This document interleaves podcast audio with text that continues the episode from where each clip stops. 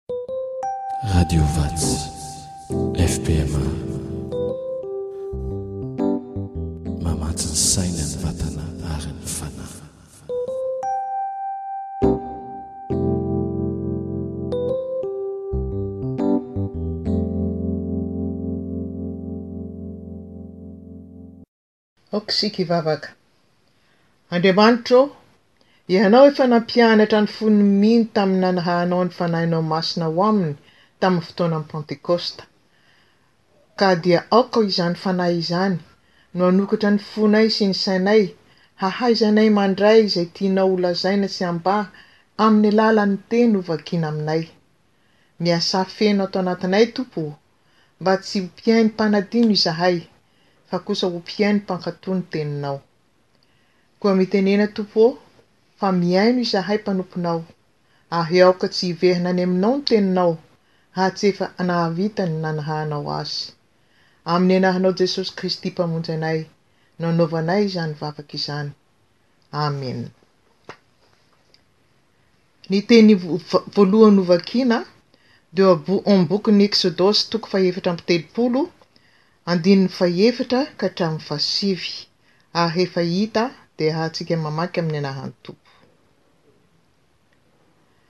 Dia nanamboatra vato fisaka roa tahaka ilay teo Mosesy, ary nifoha maraina koa izy ka niakatra tao amin'ny tendrombohitr'i Sinay, araka izay nandidian'i Jehovah azy, ary nentiny teny an-tanany ny vato fisaka roa. Ary Jehovah nidina tao anatin'ny rahona ka nijanona teo aminy, dia nanonona ny anaran'i Jehovah.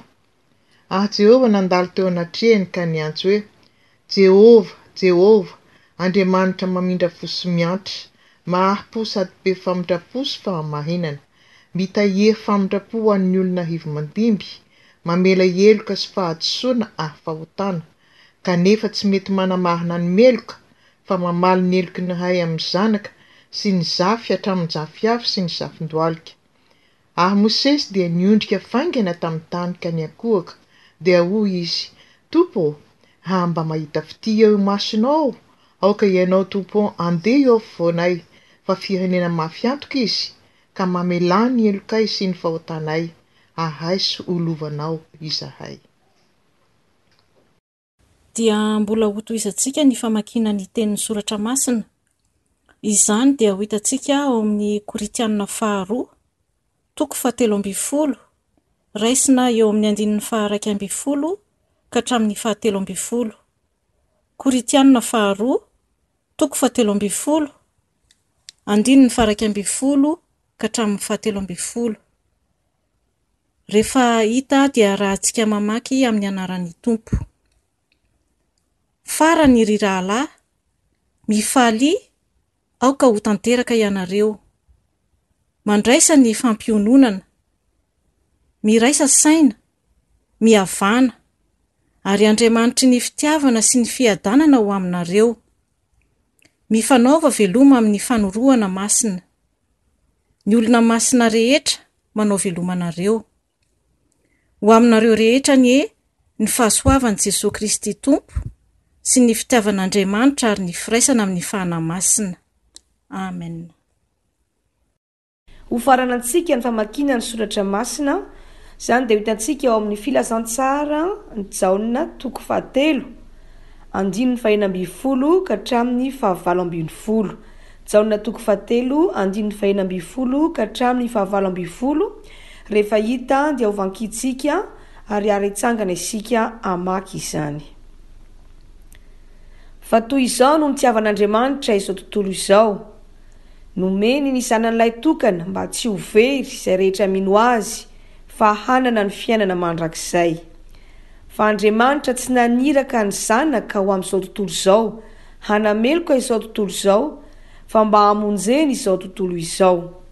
Izay mino azy dia tsy ho heloina fa izay tsy mino kosa dia efa voaheloka rahateo satria tsy nino ny anaran'ny zanakalahy tokan'Andriamanitra izy. Ray Masina ô, manamasina anay amin'ny fahamarinana, ny teninao no fahamarinana.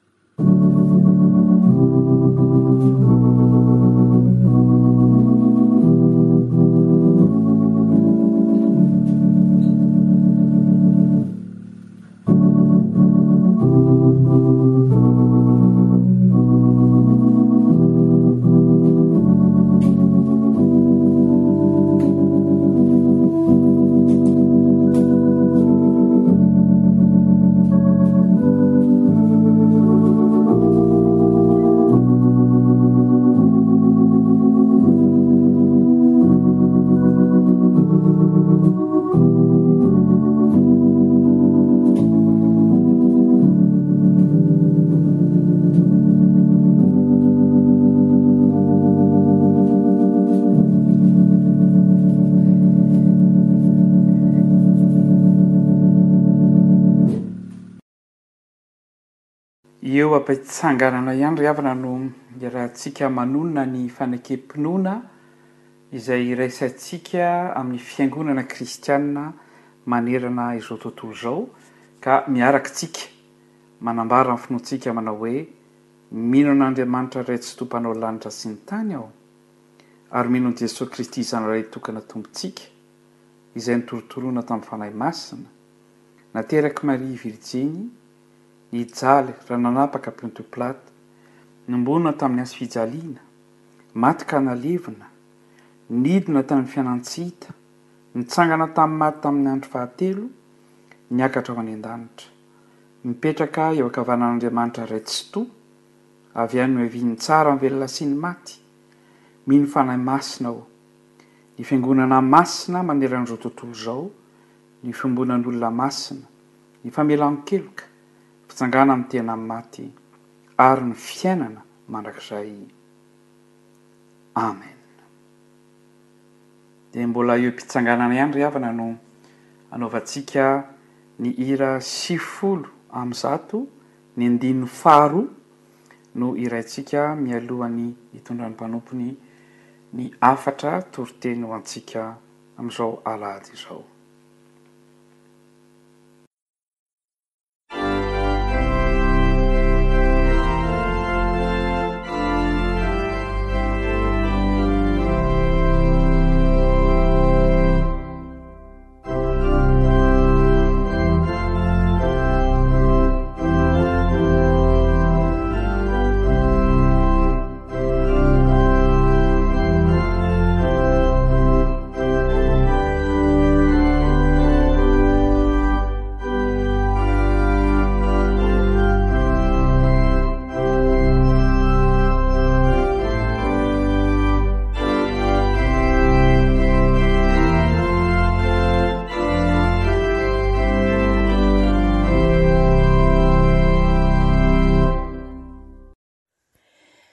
Ry hava-malala ao amin'ny Tompo, amin'ny fo feno fifaliana no mbola iarabana antsika rehetra. Ary iarabana manokana ny renim-pianakaviana rehetra koa nahatratra izao fety natokana ho azy ireo izao. Dia manonona ny fahasoavana sy ny fiadanana avy amin'ny Tompo ho azy ireo tsirairay avy, manoloana ny andraikitra lehibe sahaniny amin'ny maha vehivavy, maha vady, maha renim-pianakaviana ary indrindra maha mpanompon'Andriamanitra azy.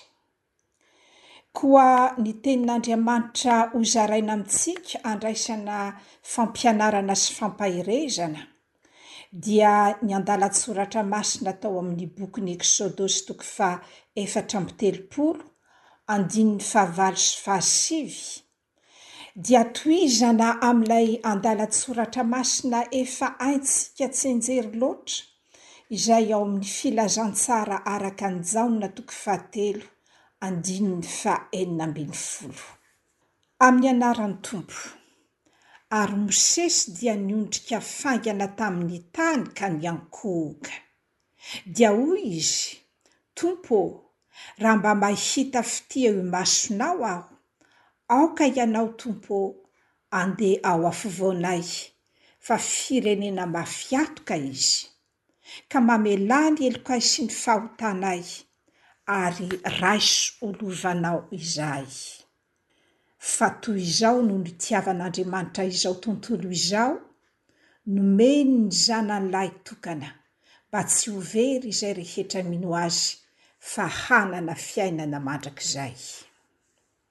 Firenena nofidin'Andriamanitra, firenena mafiatoka, izany no ambaran'ny Soratra Masina eto mikasika ireto zanak'Israely ireto. Tsy zohiana amintsika intsony ny riavana ny fiainany sy ny fifadibadihan'ny zanak'Israely tamin'Andriamanitra Tompony. Fantatsika ny tantara izay mifampiankina amin'ity Eksodosy toko faha efatra amby telopolo ity, fa rehefa naharitraritra ny fotoana nihaonan'i Mosesy tamin'Andriamanitra tao an-tendrombohitra, dia tsy naharitra tamin'ny fiandrasana intsony ireto vahoaka, ka nangataka tamin'i Arona ny mba hanaovana andriamanitra ho azy ireo hitarika azy ireo. Dia tamin'io fotoana io no nanamboaran'i Arona ombilahy kely volamena, izay nambaran'izy ireo ho ilay andriamanitra nitondra azy ireo niakatra avy tany Egypta. Koa rehefa niverina nanakaiky ny toby àry Mosesy ka nahita ny fahadalana sy ny fanimbazimbanan'Andriamanitra tamin'ny nanompoan'izy ireo ilay ombilahy kely volamena, dia nirehitra ny fahatezerany ka nantotany ilay vato fisaka teny an-tanany ka novakivakiany teo am-bodin'ny tendrombohitra. Vato fisaka voalaza fa Asan'Andriamanitra, ary ny soratra dia soratr'Andriamanitra. Eksodosy toko faharoa amby telopolo no mitantara izany. Ny toy ny zava-nitranga anefa ry havana dia tsy mbola tofok'Andriamanitra, fa mbola nanavao ny fanekeny tamin'izy ireo ihany. Retsika tamin'ny vakiteny teo fa Andriamanitra dia naneho ny fitiavany sy ny famindram-pony tamin'ny vahoakany. Maneho ny fahalehibiazan'Andriamanitra izany ry havana. Fa ho an'ny mpitarika kosa toa an'i Mosesy dia tsy mora ny mitondra vahoaka toy ireto zanak'Israely ireto. izay voalaza fa firenena mafiatoka, nefa koa natolotr'i Mosesy ho lova ho an'Andriamanitra. Fantatr'i Mosesy koa anefa fa tsy misy azony itokiana afa-tsy Andriamanitra irery ihany, amin'ny fitantanany azy ireo. Hoy izy, Aoka ianao handeha eo afovoanay fa firenena mafiatoka izy. Mazava ry havana fa na dia nahafantatra sy niaina ny fahagagana maro, ny fanafahana, nahita ny herin'Andriamanitra sy ny fitantanany aza izy ireo, dia tao Mandrakariva ihany koa ilay fisainana sy fomba ratsy, ilay ota fototra nolovana tamin'i Adama sy Eva. Eny, firenena mafiatoka ka te hanapaka mandrakariva ny fifandraisana amin'Andriamanitra, ka tsy matoky Azy intsony ho Ray sy Tompo, ka dia lasa mandositra mandrakarivan'ny tavany. Firenena mafiatoka ka lasa feno avonavona ny fony. Hamarinin'izay voasoratra ary amin'ny Epistily ho an'ny Romana hoe na dia nahalala an'Andriamanitra aza izy ireo, dia tsy mba nankalaza azy toy izay mendrika ho an'Andriamanitra na nisaotra azy, fa tonga zava-poana izy ireo tamin'ny fisainany, ary tonga maizina ny fony donto. Mitady zavatra hafa mandrakariva hiantsiana an'Andriamanitra. Mafiatoka izy ireo ka atao mandrakariva koa ny fitsiriritana izay nahariharin'ny Lalàna fa anisan'ny fototry ny fahotana ka mitarika azy ireo tsy hanaraka ny sitrapon'Andriamanitra fa hanao izay sitrany hahatanteraka ny filany. Firenena mafiatoka ka ao foana ilay faniriana fatratra ho talolovaina hatrany am-piandohana dia ny hitovy amin'Andriamanitra ka izay voarara rehetra no tiana atao toy ny fanandratana sampy anevatevaina ny voninahitr'Andriamanitra. Izany toetra sy fihodinana amin'Andriamanitra izany ry havana, izany fahamafisan-katoka izany dia itoviantsika amin'ireto zanak'Israely ireto mandraka ankehitriny. Tsy misy afaka milaza fa tsaratsara na efa nivoatra ka tsy manana izany toetra izany intsony. Ny fomba amam-panao angamba no mety samihafa fa ny fototra dia mitovy sy iray ihany, mandova ota. Ka jereo anie ny alahelom-pon'i Mosesy, ny fanetren-tenany, mitalaho amin'Andriamanitra, mitondra ny otan'ny vahoaka eo anatrehan'Andriamanitra ka mangataka famelan-keloka sy famindram-po azy ireo.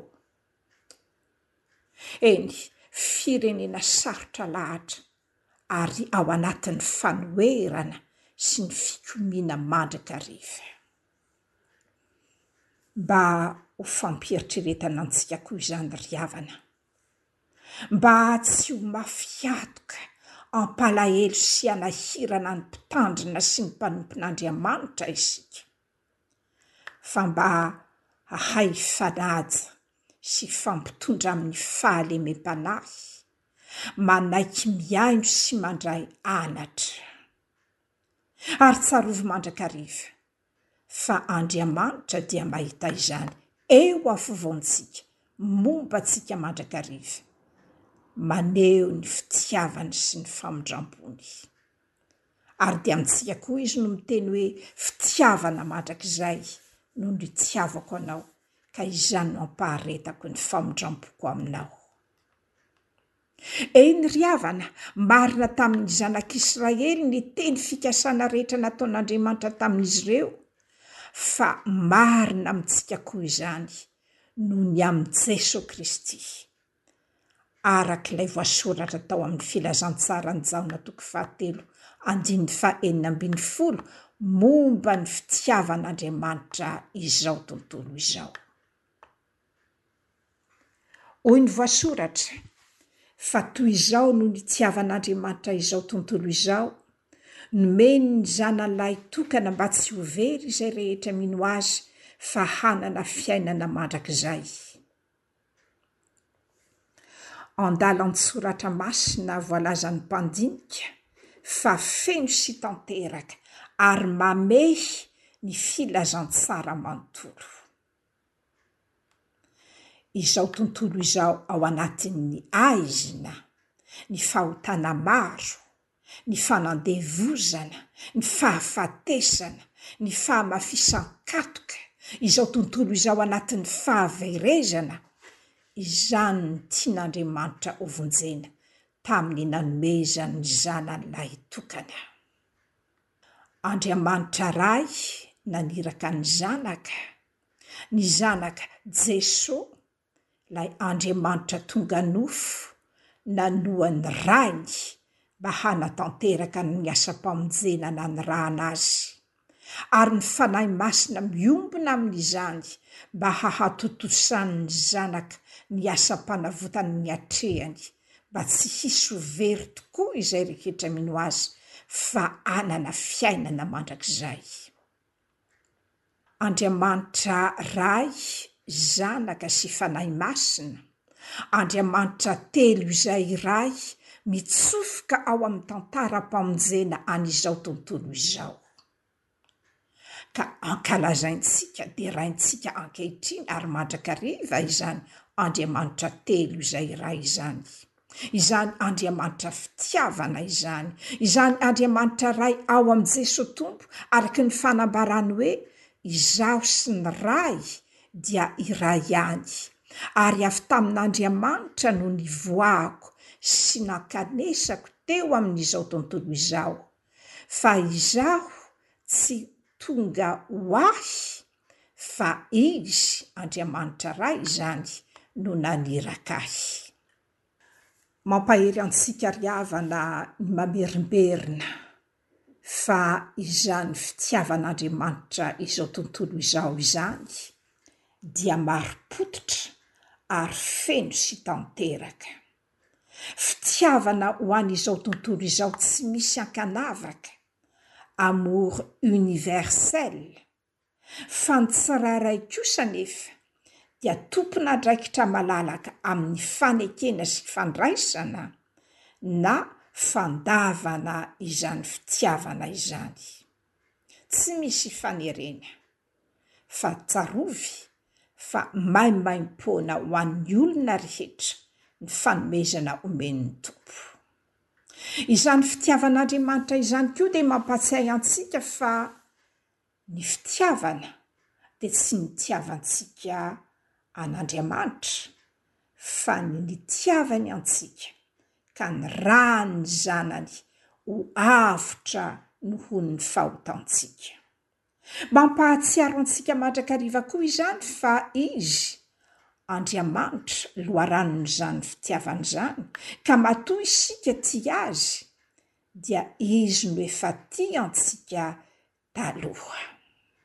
Ny fitiavan'Andriamanitra ho an'izao tontolo izao koa ry havana dia averina ihany fa feno sy tanteraka satria hoy ny voasoratra, Tsy zavatra mety ho simba tahaka ny volafotsy sy ny volamena no nanavotana anareo tamin'ny fitondran-tena adala izay azonareo tamin'ny nentin-drazana. fa ny ra soan'i Kristy toy ny zanak'ondry tsy misy kilema ary tsy misy petimpetina. Eny, tamin'ny alalan'ilay fanatitra tokana naterina indray mandeha monja teo amin'ny hazo fijaliana no nandraisantsika famelan-keloka sy fanavotana ho an'ny fanahintsika. ka afahantsika mandova ny fiainana mandrakizay. Santarina dieny izao, satria izany fiainana mandrakizay izany dia ny mahafantatra an'Andriamanitra tokana sady marina sy Jesosy Kristy izay efa nirahiny. Fitiavan'Andriamanitra ho an'izao tontolo izao koa ry havana dia miseho amin'ny fitadiavany sy ny fiantsoany ny olona rehetra izay noforoniny araka ny endriny hiverina ao am-balany araka ny ambaran'ny Tompo hoe, Tonga Izy hitady sy hamonjy ny very. Ary koa ny fanoharana nataony hoe, Nisy mpiandry ondry nanana ondry zato, ka nisy ondry iray very, moa tsy ilaozany va ny sivy amby sivifolo mandra-pahitany ilay very? Ny fitiavan'Andriamanitra an'izao tontolo izao koriavana dia ny fanehoany fa sarobidy sy manan-danja lehibe eo anatrehany ny fanan'ny olona tsirairay avy. ka izay rehetra miverina aminy, mifona sy mibebaka aminy, dia raisiny amin'ny fitiavana na toy inona na toy inona faharatsiny. Ho hatramin'izany ilay zanak' adala. Rehefa nody ny sainy ka niverina tany amin'ny rainy izy, dia hoy ny rainy, Ity zanako ity efa maty, fa velona indray. Ary efa very, fa hita indray. dia nifaly izy ary niampakanjony ny akanjo tsara indrindra izy ary nasiany peratra ny tanany ary kapa ny tongony. Niverina tanteraka ny zoma hazanaka sy voafafa tanteraka, voavela tanteraka ny tantara ratsy rehetra. Ny fitiavan'Andriamanitra an'izao tontolo izao koriavana dia mitaona antsika mandrakariva hanatona Azy, mba hodioviny ho vita fihavanana Aminy. Hoy ny voasoratra, Na dia tahaka ny jaky aza ny fahotanareo, dia ho fotsy tahaka ny oram-panala, na dia mangatrakatraka tahaka ny sily aza, dia tahaka ny volon'ondry fotsy. raha manaiky sy mankatò izany ianareo. Olom-baovao isan'andro, mitafy ny akanjo fotsin'ny famelan-keloka, ka miambina amin'ny alalan'ny fiainam-bavaka sy ny fianarana ary ny fanoavana ny Tenin'Andriamanitra mandrakariva. Miambina fa mbola ho avy tampoka tokoa ny Tompo. Ny fitiavan'Andriamanitra an'izao tontolo izao koriavana dia ny mbola anehoany ny famindram-pony sy ny fiantrany, ny fahari-pony amintsika. Mbola androm-pahasoavana izao. Mbola tombontsoa antsika ny manana an'i Jesoa Tompo mbola mivavaka ho antsika araka ny voasoratra hoe, Jesoa Kristy izay mitoetra eo amin'ny tanana ankavanan'Andriamanitra ka mifona ho antsika. Jeso efa vita ny asam-pamonjeny kanefa dia mbola manohy izany fitondrana am-bavaka antsika izany mandraka ankehitriny. Dia torak'izany koa ny Fanahy izay mamonjy ny fahalementsika fa tsy fantatsika izay vavaka tokony ataontsika. fa ny fanahy no mifona amin'ny fitarainana tsy azo tononina. Koa dia rariny sy hitsiny ry havana, raha manatra-peo ny apostoly Jaona manao hoe, Endrey manao ahoana ny fitiavana nasehon'ny Ray ho antsika, dia niantsoana antsika hoe zanak'Andriamanitra, sady izany tokoa isika. Koa noho izany dia tsy mahalala antsika izao tontolo izao, satria tsy nahalala Azy Izy. Raisintsika amin'ny finoana sy am-panetren-tena izany teny izany, satria tsy vokatry ny fahamendrehantsika na izay mety ho fahatsarantsika, ny maha zanak'Andriamanitra antsika fa vokatry ny fahasoavana noraisintsika maimaim-poana amin'ny finoana dia fanomezan'Andriamanitra, fanomezana avy amin'Andriamanitra. Koa manoloana izany fitiavana tanteraka, fitiavan'Andriamanitra antsika izany, dia inona no vokatra andrasany amintsika? Santionana vitsivitsy amin'ny Tenin'Andriamanitra no hamalintsika izany. Dia ny hoe ny andrasany amintsika dia ny hiainantsika mandrakariva ny fitiavana ho amin'ny tsy fihatsaram-belatsihy, ny fitiavana tsy manisy ratsy ny namana. Ny fitiavana mifanompo. Ny fitiavana mahari-po sady mora fanahy. Ny fitiavana tsy mialona, tsy mirehareha, tsy mieboebo. Ny fitiavana manao ny zavatra rehetra, na asa ao an-tokantrano, na asa fivelomana, na asa fanompoana samihafa, toy ny ho an'ny Tompo, fa tsy ho an'ny olona. Fitiavana tsy mihirimbelona manoloana ny fahantran' ny rahalahiny. Fitiavana manarona fahotana maro. Fitiavana tsy tia harena maloto. Fitiavana tsy manan-tahotra, satria ny fitiavana tanteraka mandroaka ny tahotra. Ary ny faharoa andrasany amintsika dia ny hiraisantsika saina mandrakariva mba hahatanteraka ny fifalintsika, ka tsy manao na inona na inona amin'ny fifampiandaniana na mandrantena foana, fa amin'ny fanetren-tena. dia samy hanao ny namany ho mihoatra noho ny tenany, ka tsy mihevitra ny azy ihany fa ny an'ny namany koa. Izany ny zanaka voavela heloka mandray ny fiainana mandrakizay novonjen'i Kristy. Ary ho antsika renim-pianakaviana kosa dia mba ho vehivavy hanana fo feno fitiavana sy fanoavana ny Tenin'Andriamanitra. Ho vehivavy feno fahatahorana ny Tompony. Ho vehivavy feno ny Fanahy mandrakariva. Malemy fanahy, mahay mihaino, ka mahay manokatra ny vavany amin'ny fahendrena, ary ny lalan'ny famindram-po no eo amin'ny lelany. Ho vehivavy hahay hiambim-bava mandrakariva. Ho vehivavy manatsotra ny tanany amin'ny ory ary mamelatra ny tanany amin'ny mahantra.